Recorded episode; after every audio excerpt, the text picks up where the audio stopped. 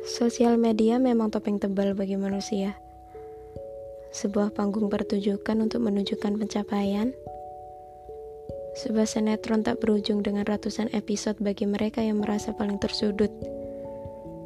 Sosial media menjadi ajang persaingan status sosial bagi mereka yang butuh diakui keberadaannya.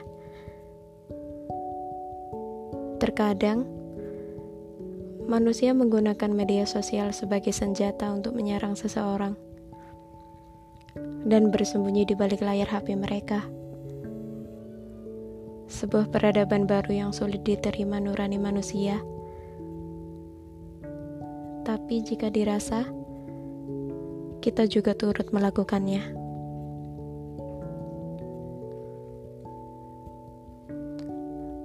Andai hidup kembali sesederhana dulu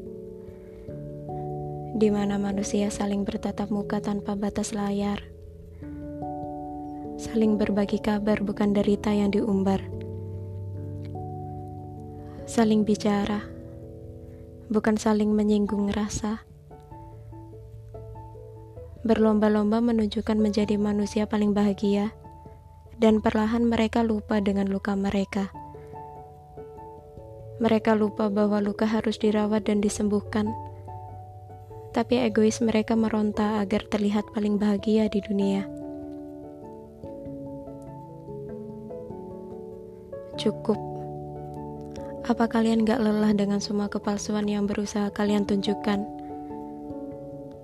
Mari kita hidup dengan baik. Gak semua hal harus dibagi. Kita juga butuh privasi.